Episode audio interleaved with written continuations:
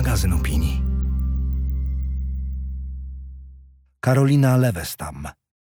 Rozmowy z K. Harpunem w Terrarium. Czytają Magdalena Celmer i Maciej Więckowski. Słuchasz tekstu opublikowanego na łamach miesięcznika Pismo, magazyn opinii. Na stronie magazynpismo.pl znajdziesz więcej inspirujących treści, także w wersji audio. Wykup prenumeratę, aby zyskać dostęp do wszystkich artykułów, ilustracji i nagrań. Napisz do mnie, tak jak się mówi czasem, do księżyca. Co miesiąc wybiorę list, na który odpowiedź może przydać się nam wszystkim. Nie musi być poważny, nie musi być głęboki, ale może też być niezwykle istotny i prawdziwy. Zawsze chciałam to robić słuchać i myśleć o tym, co usłyszałam. Karolina Lewestam. Droga K. Wiesz, dlaczego piszę do ciebie? Do gazety piszę?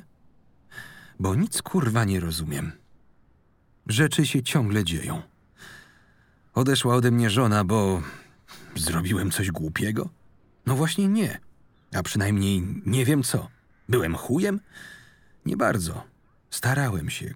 Kocham ją.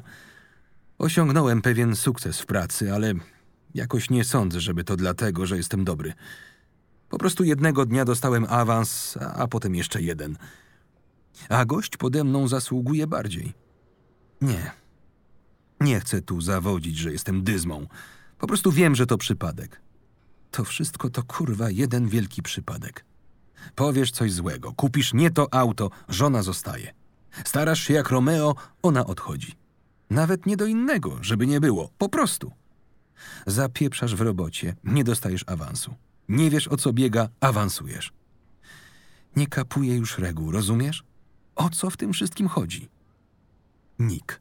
Drogi Niku, ostatnio dużo myślałam o szczurach. O tym, co by było, gdybym była szczurem.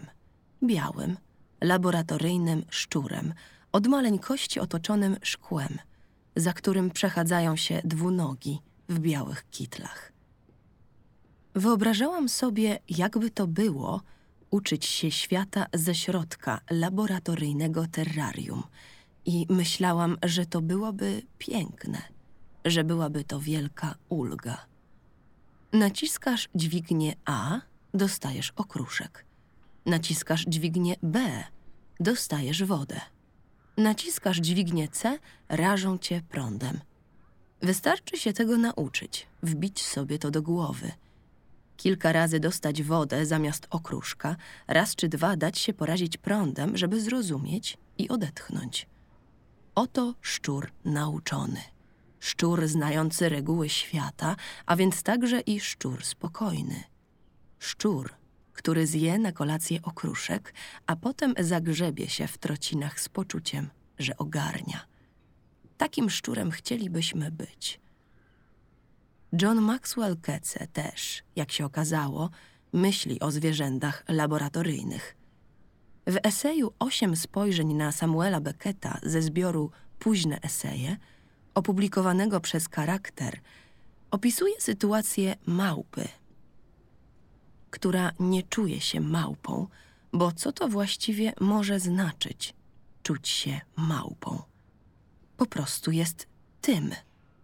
To chce orzech i szybko się uczy, że ten wrzucony do rurki numer jeden spada do skrytki numer jeden, którą trzeba otworzyć, by go zjeść.